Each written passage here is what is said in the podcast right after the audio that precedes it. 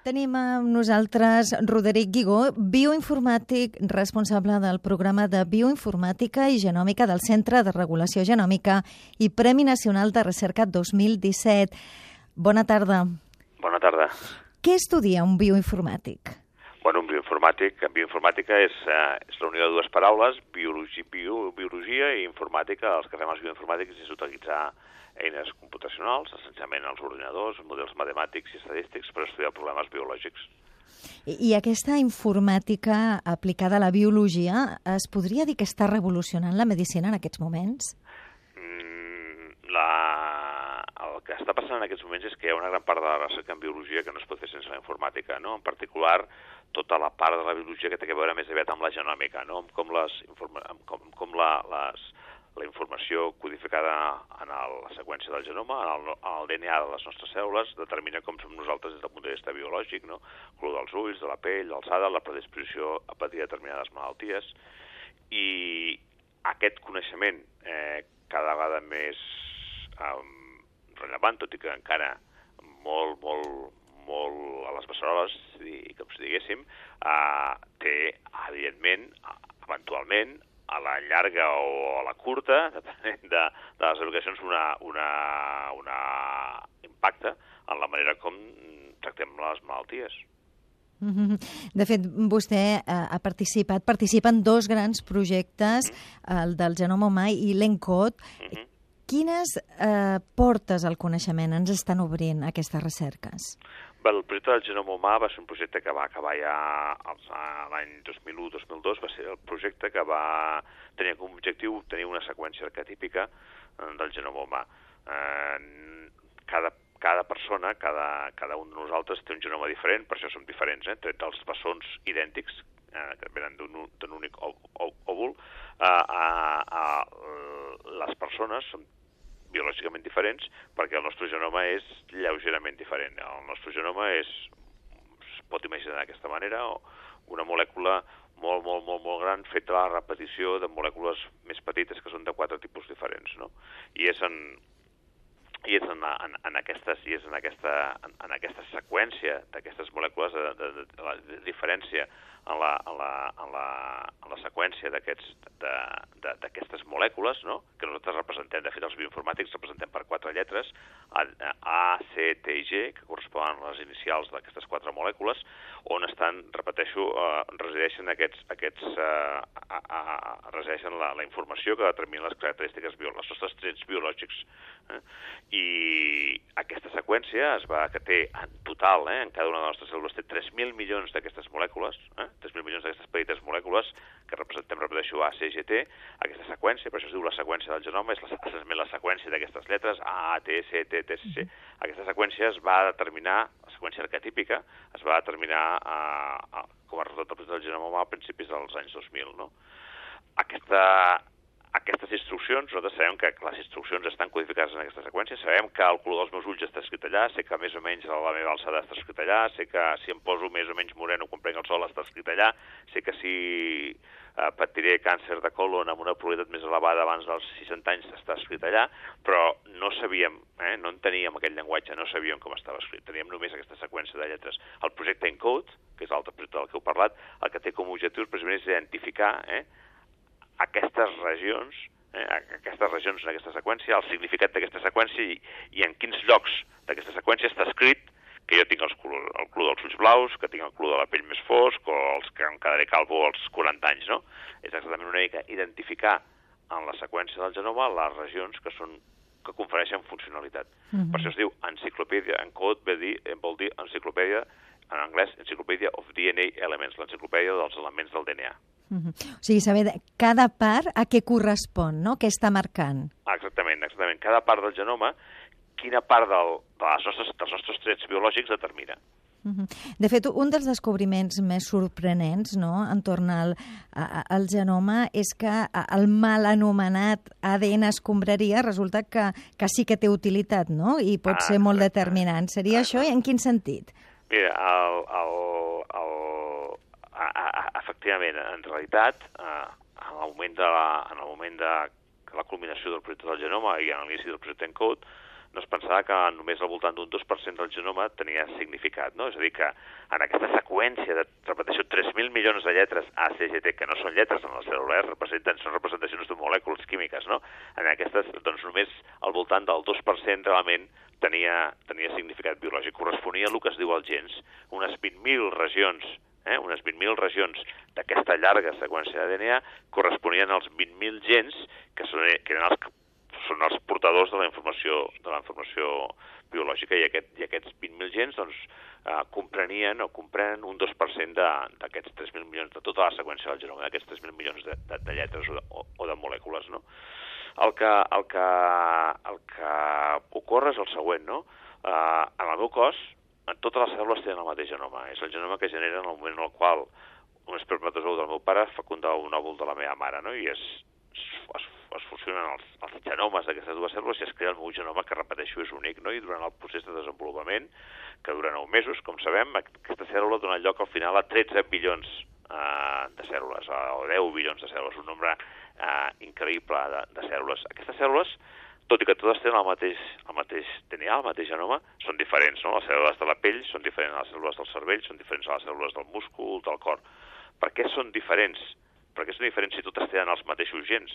Doncs perquè el que passa és que no tots els gens funcionen igual en totes les cèl·lules. En les cèl·lules de la pell funcionen d'aquests 20.000 gens, posem uns 15.000 gens, i en les cèl·lules del cervell funcionen uns 12.000 gens que no són exactament els mateixos. I a més, funcionar no vol dir només que estiguin apagades i enceses, no són aquests gens, ens els podríem imaginar com bombetes que estan apagades o enceses, però en realitat això és una mica, és una mica aproximat, seria millor que ens els imaginéssim com bombetes que, a les quals podem graduar una mica la intensitat, no? com aquestes, aquestes llums que pots graduar, que pots graduar la intensitat. Doncs bé, el per què la manera com funcionen els gens en les cèl·lules de la pell és diferent de la manera com funcionen els gens en les cèl·lules del cervell i fa que les cèl·lules de la pell siguin diferents de les cèl·lules del cervell, resideix en aquesta altra part del genoma, del DNA, que eh, s'anomenava eh, sovint eh, DNA escombraria, no? perquè es pensava que no tenia cap, cap funció. Diguéssim, els interruptors que fa que s'encenqui i no s'apaguin les llums, que serien els gens i que funcionen amb més o menys intensitat,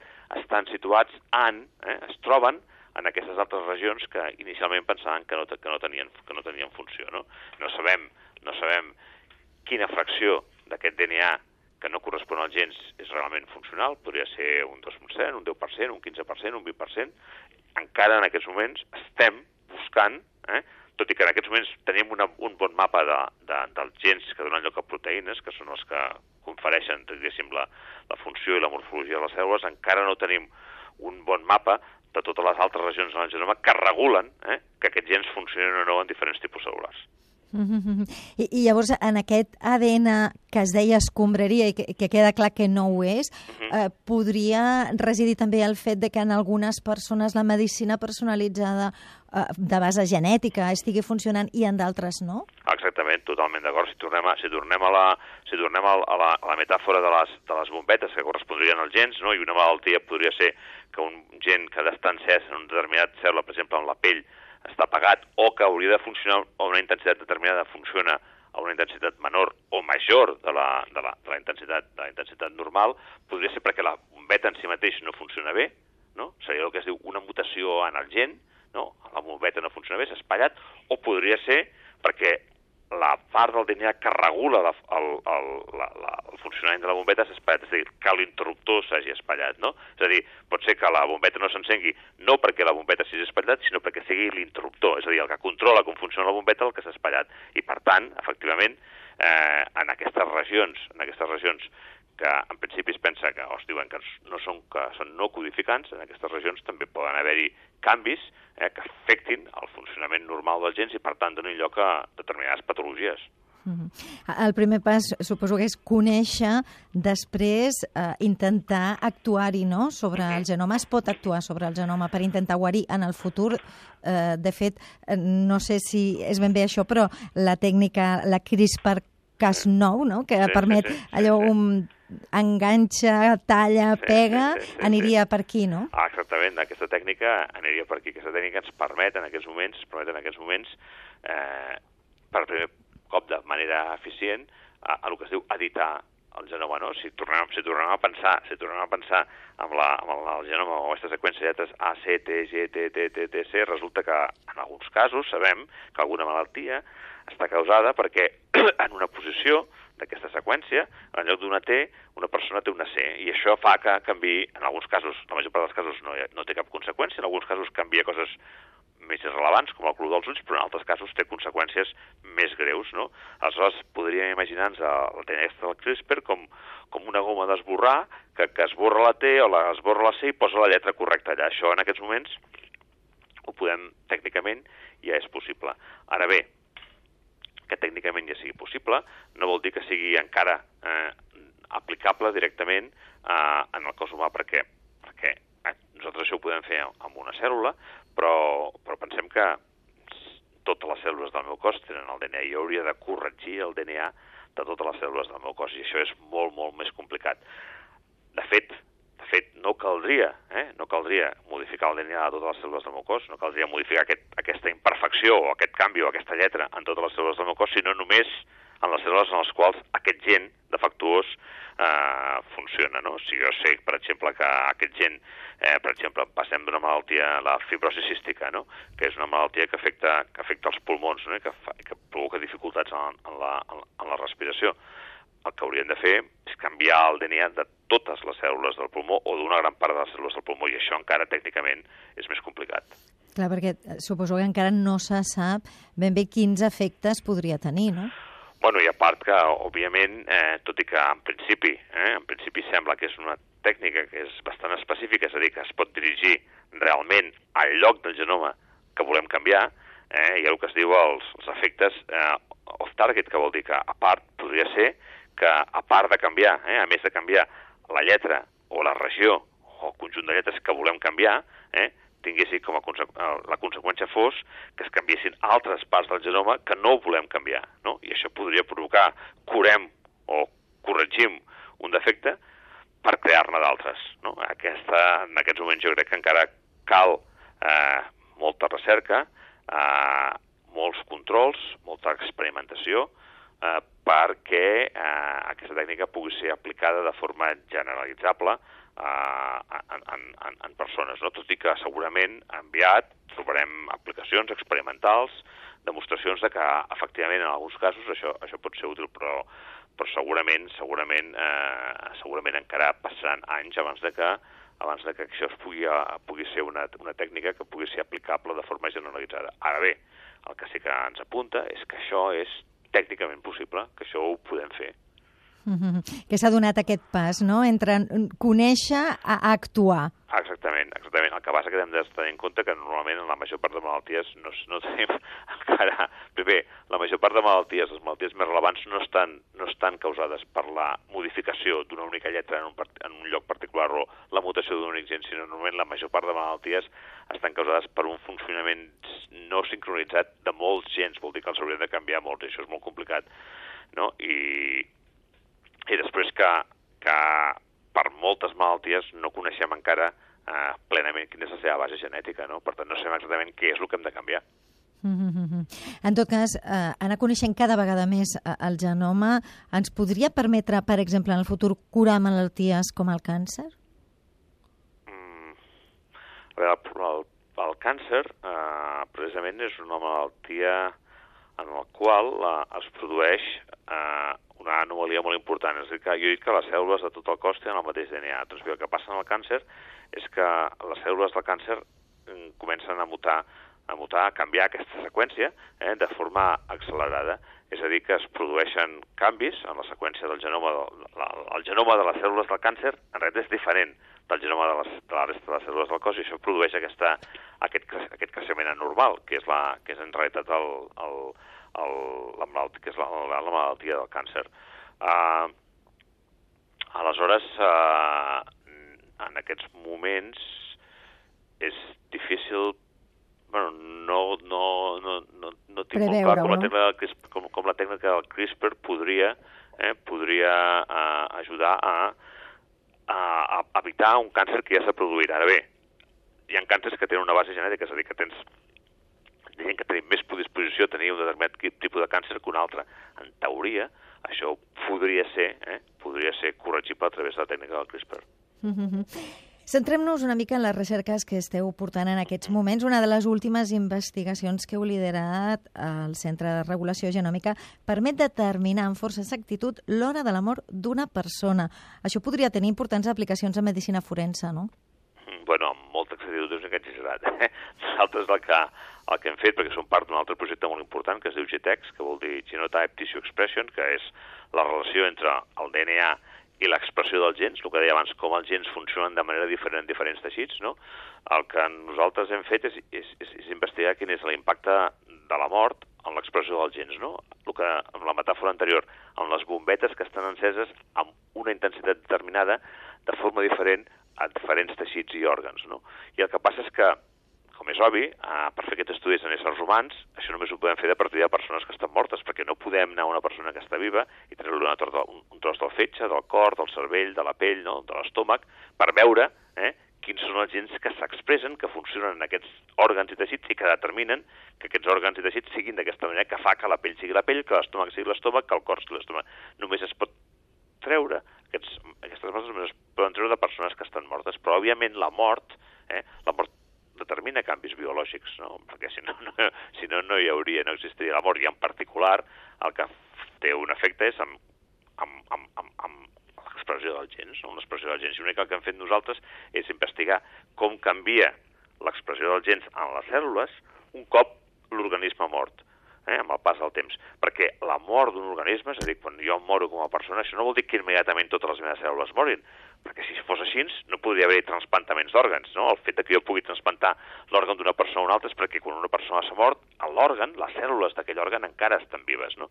Llavors el que hem fet és estudiar eh, fins a quin punt, no?, ah, perquè m'he fet estudiar com canvia l'expressió dels gens amb el pas del temps després de la mort, amb l'objectiu de saber fins a quin punt no, l'expressió dels gens que nosaltres, tècnica, per limitacions tècniques, només podem mesurar en mostres tetes d'individus que estan morts, són representatives, eh, podrien ser representatives de l'expressió dels gens en individus que estan vius, que és el que ens interessa, no? A nosaltres no ens interessa l'expressió dels gens en els morts, ens interessa l'expressió dels gens en els vius, perquè és la que ens determina si alteracions en aquesta expressió dels gens estan eh, de sota de, de, de, de, de determinades patologies, per, per exemple, no? Per exemple, aleshores el que nosaltres vam fer és quan vam veure com canviaven com canviava l'expressió dels gens amb el pas del temps després de la mort, el que vam fer és un, que vam veure que era diferent a cada òrgan i a cada teixit, per exemple, en els músculs hi ha un canvi de l'expressió dels gens molt ràpida després de la mort, i en canvi en altres teixits és una, un canvi més lent i més sostingut. El que vam fer és un model que permetia predir eh, permetria predir amb certa exactitud no, quan temps feia que una persona havia mort amb la amb el que és important eh, remarcar això, amb la, amb la limitació, que aquest estudi es limita a, a les 24 hores, eh, a les 24 hores després de, després de la mort, perquè aquest projecte, les mostres que nosaltres estudiem en aquest projecte GTEX, que és un projecte subvencionat pels Instituts Nacionals de la Salut dels Estats Units, eh, precisament eh, són mostres que s'obtenen de donants, persones que han donat el seu cos per aquest estudi, però precisament perquè volem eh, que, que, que, les, que, que aquestes mostres siguin representatives de les mostres en, els, en, els, en les persones que estan vives, el temps, eh, el temps l'extracció dels òrgans després de la mort és com a, molts, com a màxim de 24 hores. Per tant, nosaltres no podem dir el, el nostre treball, el nostre model predictiu, eh, té aplicació només en les primeres 24 hores després de la mort. Per tant, encara cal recórrer un cap. Nosaltres el que pensem que és cert, eh, el que pensem que és cert és que realment en la manera com canvia l'expressió de la gent des, després de la mort de l'individu en diferents òrgans, hi ha una, una signatura, hi ha una informació que pot ser útil, que pot ser útil per predir l'hora de la mort, però encara falta molta recerca, penso jo, perquè aquest mètode pugui ser efectivament un mètode que s'utilitzi en medicina forense. Però mm -hmm. pensem que hi ha la informació i que és un camí que cal explorar, que, que val la pena explorar. En, en tot cas, algunes investigacions, eh, també en el, en el camp de la genòmica, eh, ens fan pensar que estem en una nova era que marcarà un abans i un després en la ciència, però la societat i sobretot els poders polítics creu que són prou conscients d'aquesta importància, ho dic perquè poder no, no hi ha prou inversions no? per, per tots els resultats que sí que s'estan obtenint. Jo crec que no són prou, jo crec que no són només els poders polítics, jo crec que la societat en general, tots nosaltres no som prou conscients de quina és la importància cada vegada creixent de la ciència en la nostra vida. No només de la genòmica o de la biologia, o sinó en general de qualsevol disciplina. No? La... Nosaltres mirem a vegades i mires les notícies i, i i penses, ostres, no saps si el món va endavant o enrere, no? Veus els conflictes que hi ha al món, els conflictes que hi ha al nostre país i dius, estem retrocedint, no? Estem anant a, a, vivint coses que pensàvem que ja s'havien superat, no? Uh, però si hi ha una cosa que almenys jo diria en els darrers 200 anys que no ha retrocedit, ha estat l'avanç científic-tecnològic, és la capacitat tècnica i tecnològica que tenim avui en dia, és més gran que la que teníem fa 10 anys, i fa 10 anys més gran que la que teníem 10 anys abans, o 50 anys, o 50 anys. Nosaltres, tecnològicament, estem cada cop més capacitats, no? Més capacitats, i això té un impacte a la vida de les persones molt important. Pensem en els telèfons mòbils, per exemple, no? com han canviat la nostra vida, no? I pensem que, com bé has dit, estem ara una mica a les portes de ser capaços de controlar la part del món que és la més complexa, que són els éssers vius, no? Uh, més o menys, mira, nosaltres podem fer ponts, podem fer cases, podem controlar una mica la gravetat, no? La, uh, no sé, eh, els telèfons mòbils, etc etc perquè, bueno, perquè la física, en cert sentit, és, és, és, és simple, no?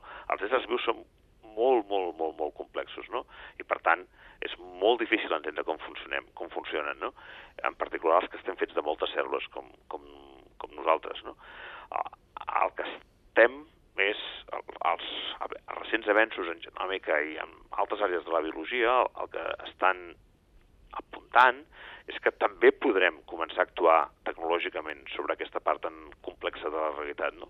En particular, a corregir la vida quan no és com nosaltres volem, no? En el cas de les malalties en particular, no?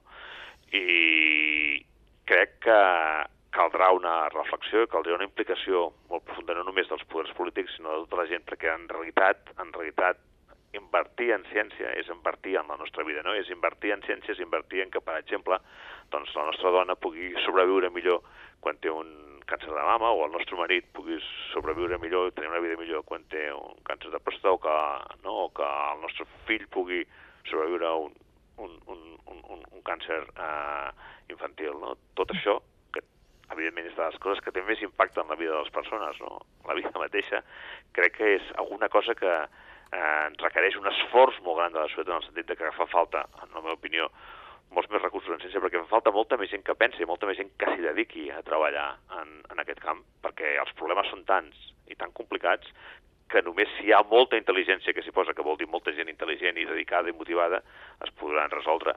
I aquesta resolució té un impacte molt, molt positiu en la vida de les persones.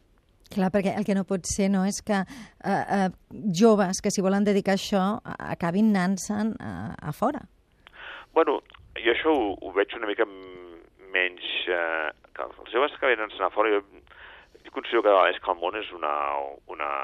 el món és el món, no? I en realitat el que nosaltres hauríem de fer és que hi hagués molta gent al nostre país que es dediqués a això, que el nostre país ofereix oportunitats a tothom que s'hi vulgui dedicar per poder-se dedicar, perquè d'altra banda també l'activitat científica i un altre, i un altre tema ja crec que és relevant, no? és a dir, l'activitat científica és una de les activitats més típicament humanes, no? és a dir, aquesta uh, obsessió, si es vol, per interrogar, per, per saber com és la naturalesa, no? per veure com és, com funciona, és una cosa que es dona essencialment només en l'espècie humana i és algú que contribueix a la nostra realització com a éssers humans. Per tant, crear un entorn en el qual la gent que vulgui, eh? no, és que sigui, no és que ser científic sigui millor que ser jugador de futbol o cantant o que, o que forner, no? però que la gent, com tu acabes de dir, la gent que vulgui ser científica tingui capacitat de ser-ho i de desenvolupar-se i que no hagi de deixar aquest país per estar entre els millors, crec que això, crec que això és molt important. Però no només perquè, no només perquè la gent no marxi, sinó també per atraure a gent d'altres llocs del món. El que hauria de ser, el que, hauria, el que hauríem de fer de, el que hauríem de fer de Barcelona i Catalunya en general és un lloc que fos atractiu per, per, per dur a terme, eh, per dur a terme una, una, un, una carrera científica tant pels que hem nascut aquí com perquè la gent que d'altres llocs del món vulgui venir, no? És com, és com el Barça, no? El Barça està molt bé que els jugadors, està molt bé, perquè el Barça és, està entre els primers, perquè ofereix oportunitats a la gent que són d'aquí, però també perquè atrau els millors jugadors de tot el món. Nosaltres el que hauríem de fer és que eh, crear un entorn en el qual la gent d'aquí, la millor gent d'aquí que es vol dedicar a la ciència s'hi pogués dedicar aquí o marxar, però també poguéssim atreure els millors de tot el món que vinguessin a treballar entre nosaltres. Mm -hmm. En tot cas, el que sí que, que la societat ha d'entendre, de conscienciar-se més de, de la importància de la ciència, sí. també perquè els poders polítics vegin que és un interès social i, i aportin més inversió, no? Exactament, és una, és una, és, és una, és una és una relació mica dialèctica, no? És, és a dir, és, és, és, són, els poders polítics reaccionaran a mesura que la societat eh, eh, percebeixi això com un problema important, no? I crec que és, i el, el que han, hauria, hauria de ser també és que els poders polítics tinguessin un, una posició de lideratge en aquest sentit, no? que hi hagués un esforç per transmetre lo important que és la ciència en la vida de les persones, perquè, insisteixo, és impacte directe en la vida de les persones és a dir, és, una, és algo que canvia la forma com nosaltres vivim i ens permet, en teoria, no? eh, possiblement ser més, ser més feliços, no? És a dir, eh, superar la diferència entre que alguna persona que estimem visqui o no, crec que és de les coses que ens té un impacte més gran en la, en la, en la, nostra, en la nostra felicitat, no? I jo crec que aquí és on eh, ha, ha de ser, ha de ser, ha de ser, ha de ser conscient que això només s'aconsegueix si si hi ha molt més esforç, molt més recursos dedicats a la, a la investigació. Queda clar, finalment, suposem que rebre el Premi Nacional de Recerca li ha fet feliç, que és un impuls important per continuar endavant amb nous projectes. Què ha significat per a vostè aquest reconeixement? Bueno, home, és, que et reconeixin al teu país és sempre, és sempre un, un motiu d'alegria no? i de satisfacció. Ara bé, també he de dir una cosa, no és falsa modèstia, però vull dir, eh, en aquests moments la ciència és una, és una, és una eh, empresa molt, molt col·laborativa, eh? és, una, és una activitat molt col·laborativa. No estem, eh, que ara potser molts, eh, molts oients tenen la, la idea de que l'investigador científic és una persona que està tancada allà en el seu laboratori mirant pel microscopi o jo què sé, classificant plantes o coses d'aquest tipus, no? Aquesta és una idea romàntica que, que s'ha superat perquè, perquè en aquests moments eh, la ciència, repeteixo, és una activitat molt, molt, molt col·laborativa. El nombre de persones que es dediquen a la ciència al món ha crescut exponencialment i si fa potser 100 anys no tenia sentit destacar alguns noms en particular perquè feien contribucions que eren realment espectaculars, en aquests moments, en realitat, en realitat, eh, les contribucions eh, són comparativament més modestes i, repeteixo, sovint eh, el fruit de la col·laboració de molts científics. Per tant, és una mica injust, si es vol, en aquest moment, destacar uns noms sobre uns altres. Mm -hmm. Però bé, tot i així, òbviament, sempre, sempre s'agraeix no, el reconeixement. Doncs malgrat aquesta modèstia, felicitats. En Roderic Guigó, gràcies per estar amb nosaltres a la Poma de Newton i fins aviat. Ah, moltes